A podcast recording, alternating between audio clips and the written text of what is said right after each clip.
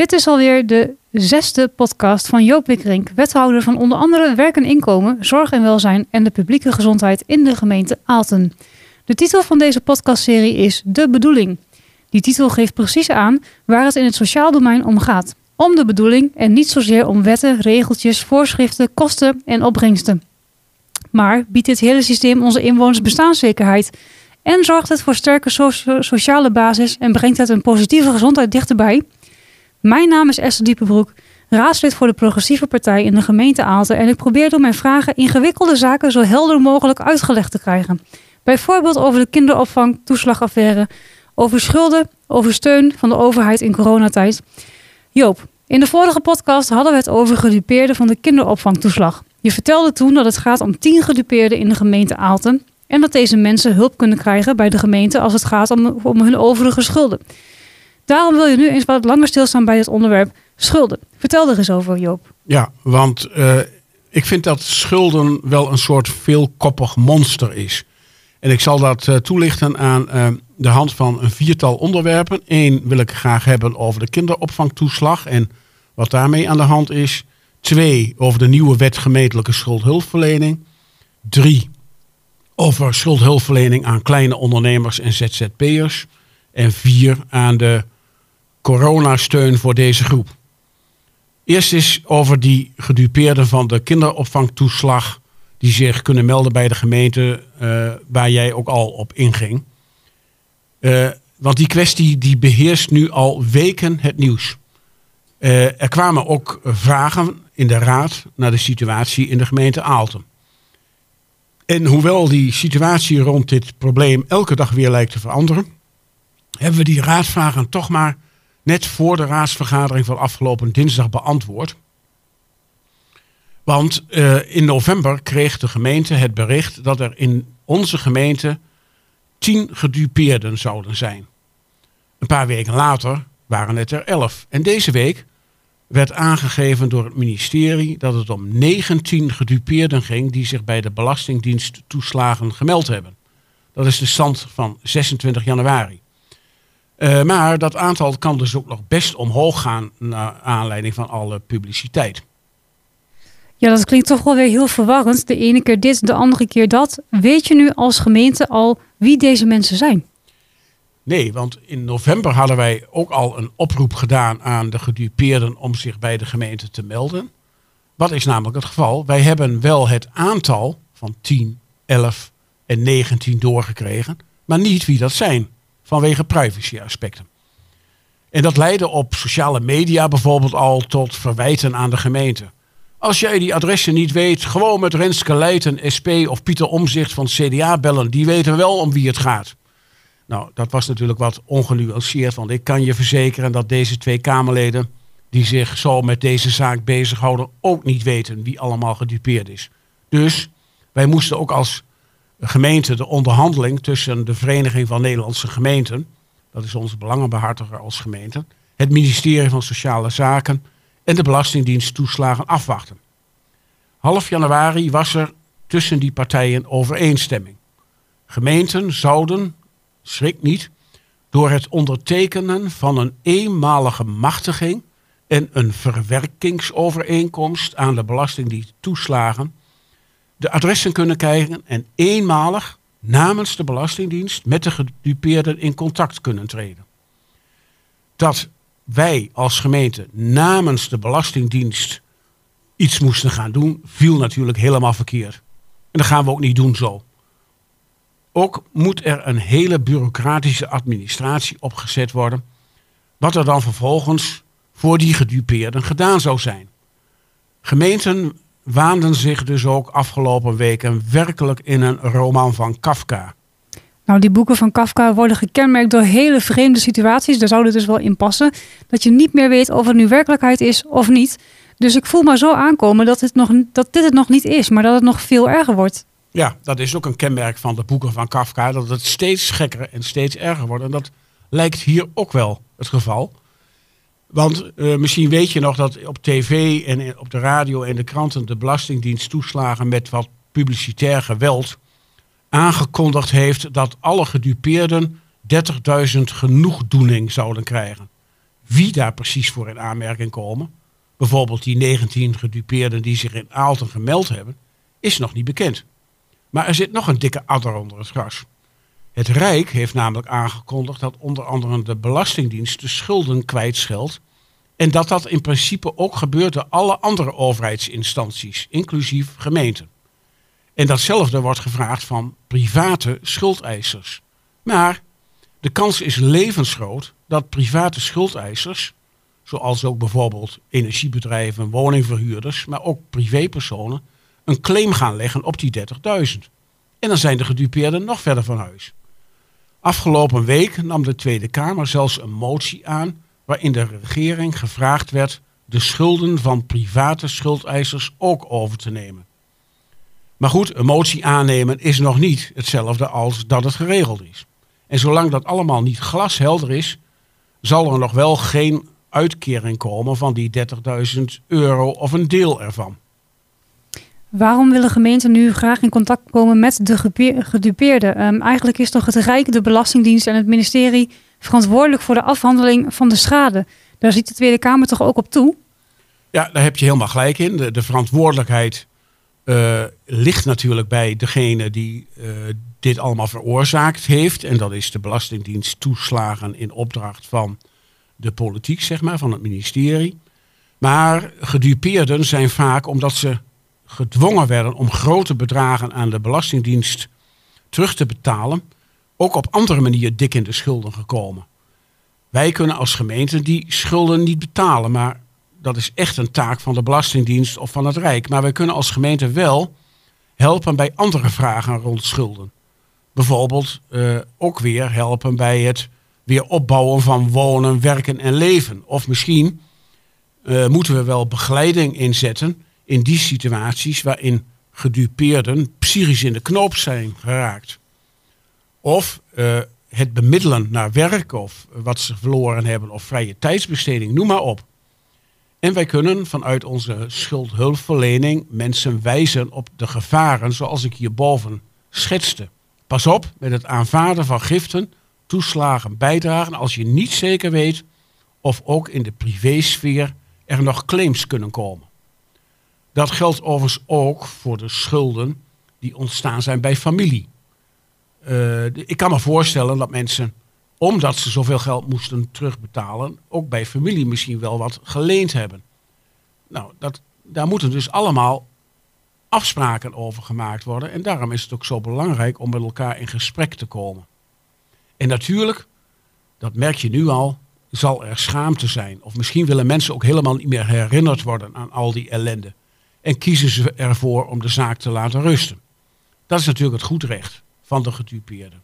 Maar ook hier proberen wij als gemeente daadkrachtig en dichtbij te zijn en willen we klaarstaan om te helpen binnen onze mogelijkheden. Dus als jij als luisteraar van deze uh, podcast ook mensen kent die voor hulp in aanmerking komen, verwijs ze dan alsjeblieft door naar de gemeente.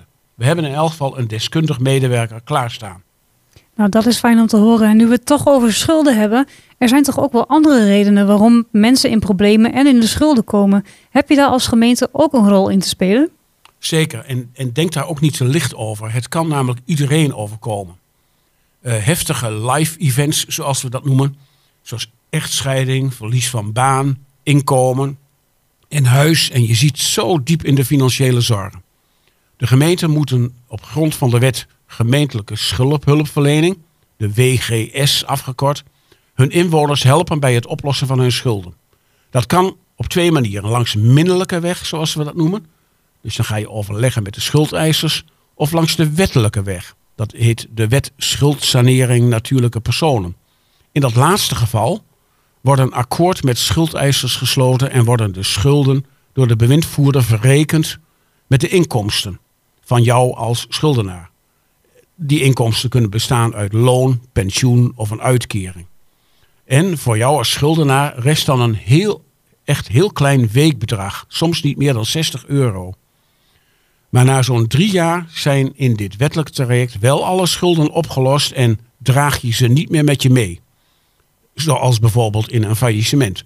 En het gaat erom dat je niet weer in de schulden raakt. Dat betekent dat je strak moet blijven budgetteren. En ook daar kan de gemeente via bijvoorbeeld organisaties als Humanitas hulp bij aanbieden.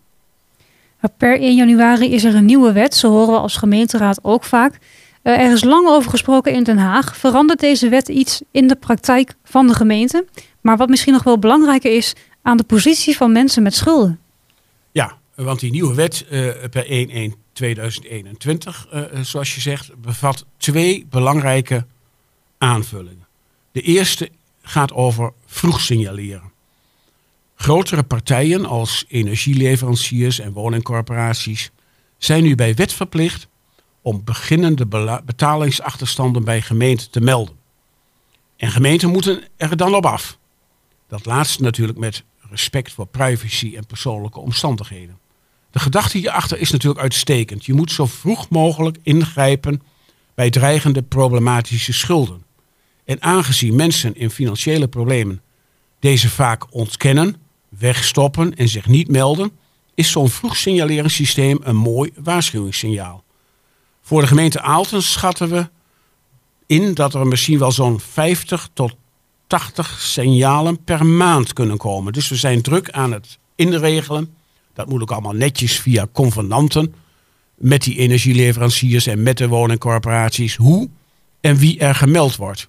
En hoe en wie er dan contact opneemt. Er is nog een tweede wijziging. Die gaat over kleine ondernemers. Uh, dat is ook interessant, want een speciale groep, die kleine ondernemers, die werd voor, voorheen eigenlijk niet beschouwd als zijnde een groep die onder de schuldhulpverlening van gemeenten viel. Dat zijn dus die kleine ondernemers of ZZP'ers, natuurlijke personen, hoe je ze ook noemt.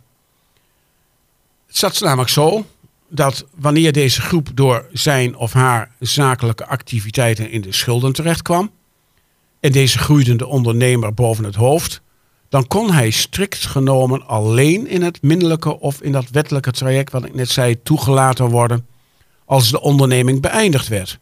En de ondernemer dus ex-ondernemer werd. Dat is natuurlijk een beetje raar.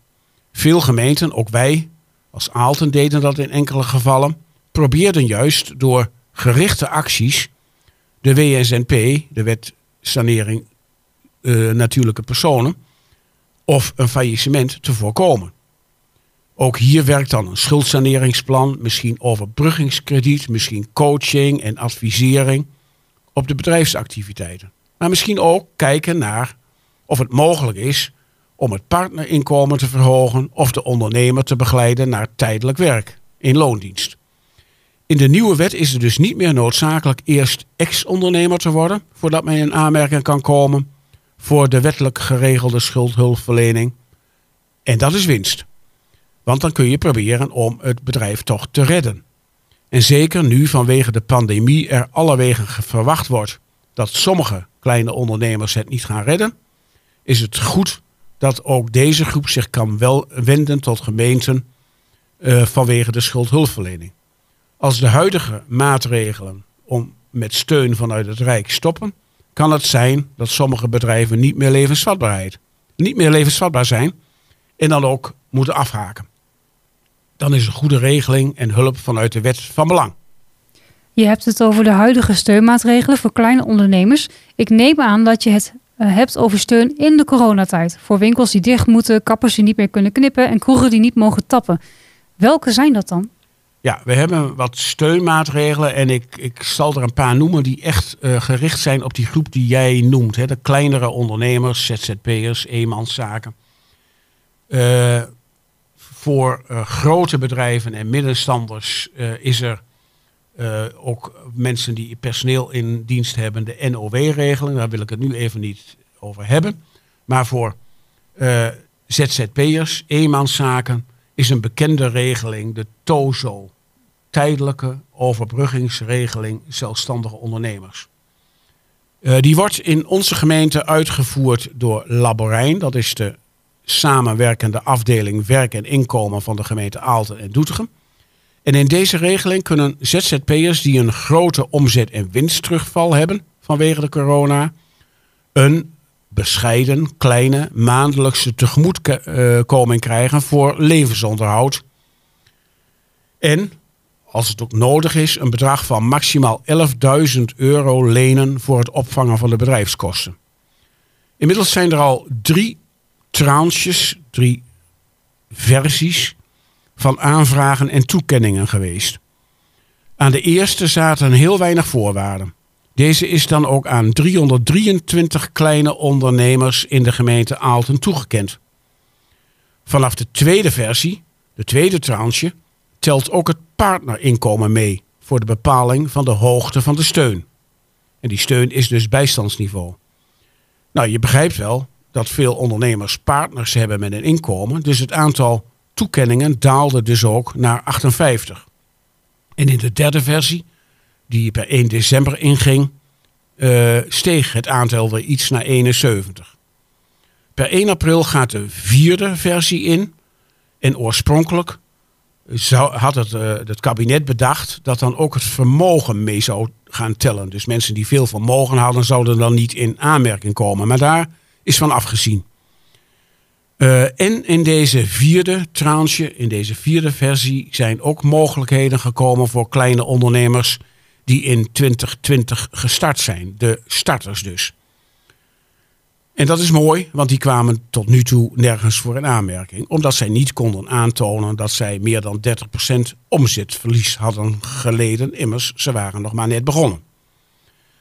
Nou, en dan tenslotte is in de gemeente Aalten in totaal aan 11 ondernemers een bedrijfskrediet van maximaal 10.000 euro verstrekt. Dat is allemaal dus niet zo heel veel. In de krant stond ook een berichtje over een speciale Aaltense aanpak. Is dat nou nog bovenop die steun vanuit het Rijk? En wat houdt die speciale Aaltense aanpak dan precies in? Ja, uh, wij hebben bedacht als nou die crisis langer duurt, wordt het voor veel kleine ondernemers en middenstanders steeds moeilijker het hoofd boven water te houden. Vandaar dat ik samen met uh, ICAT, dat is de kring van de Aaltense en Dingspeloos industriële ondernemers, en de Aaltense Uitdaging, dat is een bedrijvennetwerk, heb afgesproken om ondernemers die langdurig de gevolgen van corona ondervinden, een alternatief uh, te bieden. Dat zou kunnen zijn dat ondernemers die dus op dit moment geen omzet meer hebben, tijdelijk in loondienst gaan bij de Aaltense collega's. Of dat ze als ZZP'ers wat voor uitgeschoven klussen kunnen doen voor die bedrijven dat ze geholpen worden met omscholing via het werkgeversservicepunt Achterhoek. Of dat ze ook bemiddeld kunnen worden naar werk en scholing. Uh, daartoe hebben we twee vertrouwenspersonen aangesteld bij de ICAD in de Aaltense uitdaging. En deze kunnen dan face-to-face een beetje collegiaal sparren. Of er creatieve oplossingen te vinden zijn. Want van ondernemer tot ondernemer praat het soms wat makkelijker dan van ondernemer met uh, ambtelijk medewerker of hulpverlener. Nou, dit is een extra mogelijkheid die ook ZZP'ers uit, uit de gemeente Aalten, uh, die bij Labarijn voor de TOZO-regeling hebben aangeklopt, uh, aangeboden krijgen. Daar wordt nog niet zo heel veel gebruik van gemaakt, maar het is toch een mogelijkheid. En naarmate de crisis langer duurt, verwacht ik wel dat er meer mensen zijn die zeggen van kom, ik wil toch eens even met een vertrouwenspersoon over de toekomst van mijn bedrijf praten. Nou, heel goed initiatief. Nu hoorde ik dat er per 1 februari dus ook weer een nieuwe aanvullende regeling is gekomen. En wat is dat nou weer precies? Ja, je zegt wat is dat nou weer? Het lijkt wel alsof de ene regeling over de andere struikelt. Want per gisteren, 1 februari, uh, gaat de TONK-regeling in. T-O-N-K. Uh, dat, is, uh, dat staat voor de tijdelijke ondersteuning noodzakelijke kosten. En die loopt met een terugwerkende kracht van 1 januari 2021 tot 1 juli. En deze is bedoeld uh, voor huishoudens, dus ook ondernemers, die te maken hebben met een forse terugval van inkomen. bijvoorbeeld doordat ze al hun werk kwijt zijn, niet meer kunnen leveren. Maar ook mensen dus die ontslagen worden uh, vanuit uh, hun loondienstverhouding en een, uh, een, een, een vaste in, inkomensterugval hebben. vanuit die regeling kan een tegemoetkoming gegeven worden, vooral voor de vaste lasten zoals de woonkosten. Het is maar een kleine tegemoetkoming. En hij geldt bijvoorbeeld ook voor ondernemers die niet onder de tozo vallen, maar wel met omzetverlies en hoge kosten te maken hebben. Het is een druppeltje op een gloeiende plaat en wij hebben vanmorgen juist besloten dat ook deze tonkregeling door Laborijn wordt uitgevoerd. Nou, dat is goed om te weten. En nou lijkt het natuurlijk alsof het overal slecht gaat. Maar is dat nou ook zo? Is het overal kommer en kwel? Of zijn er ook nog wel optimistische geluiden? Ja, die moet je wel zien en opzoeken. Maar die zijn er zeker wel. Want natuurlijk gaat het niet overal slecht. Vrijdag had ik een kort overleg met een netwerk van ZZP'ers hier in de gemeente Aalten. En sommige ZZP'ers die vertelden dat ze nog nooit zo druk waren geweest. Uh, dus dat is mooi. Dus dat gaat ook over bepaalde branches die echt veel meer werk hebben dan normaal. En drie van hen die vertelden dat zij in uh, maart, april, mei van vorig jaar inderdaad wel die TOZO-regeling hebben aangevraagd en hulp hebben uh, aangevraagd, maar dat deze naderhand eigenlijk niet nodig bleek en dat ze dus alles terugbetaald hebben. Nou, dat zijn natuurlijk mooie dingen om te horen van dat er een regeling is uh, die even soelaas biedt, maar uiteindelijk als je hem niet nodig hebt, hem toch weer kunt terugbetalen. Misschien is het ook nog wel leuk om even te melden dat op vrijdag 5 februari er een landelijk congres heeft plaatsgevonden of zal plaatsvinden over schuldhulpverlening. En dat is een digitaal congres. Wordt georganiseerd door de Vereniging van Sociale Dienstdirecteuren. En ik mag daar komen uh, om de Aaltense aanpak die ik net uitlegde uh, toe te lichten. En uh, de hele schuldhulpverlening aan ondernemers uit te leggen hoe dat nou gaat in een wat kleinere gemeente. een wethouder uit Dordrecht, die voorzitter is van een VNG-commissie, komt iets vertellen over de landelijke ontwikkeling. En een wethouder uit Zwolle schetst de situatie in een grote stad. Nou, wat we niet besproken hebben vanmiddag is, uh, of in deze podcast, is dat we de overige steunmaatregelen, de, bijvoorbeeld wat ik al zei, de NOW voor personeelskosten, de TVL, de tegemoetkoming vaste lasten, met name ook voor horeca en middenstanders. Misschien komt dat de volgende keer nog. Uh, voor een mooi overzicht van al die steunmaatregelen kun je terecht op de site van de Kamer van Koophandel. Maar goed, uh, ik heb ook een soort moraal van dit hele verhaal. En dat is toch wel, dreig je nou in problematische schulden te komen? Als privépersoon, als privéhuishouden, als ZZP'er, als kleine ondernemer of als middenstander. Schaam je dan niet. Het kan iedereen overkomen. En zoek vooral tijdig hulp. Wacht niet tot het 5 voor 12 is maar neem meteen hulp, neem meteen contact op met de hulpinstanties en ga het gesprek aan. Dat is de beste tip die ik vandaag kan geven. Dat lijkt mij een heel goed advies. Zoek vooral hulp en steun als je dat nodig hebt. Praat erover en gebruik je netwerk en de steun van de overheid. Niet alles zal precies passen, maar als je niks vraagt en niet zoekt, weet je zeker natuurlijk dat er niks gebeurt. Joop, bedankt voor dit uh, heldere verhaal. Nog heel even kort, als mensen jou een bericht willen sturen, op welk mailadres kan dat dan? Dat is een heel eenvoudig mailadres. j.wikkerink.aalten.nl Nou, hartstikke mooi. Bedankt voor het luisteren. Heb je vragen, uh, mail ze naar Joop. En uh, heel graag tot de volgende podcast.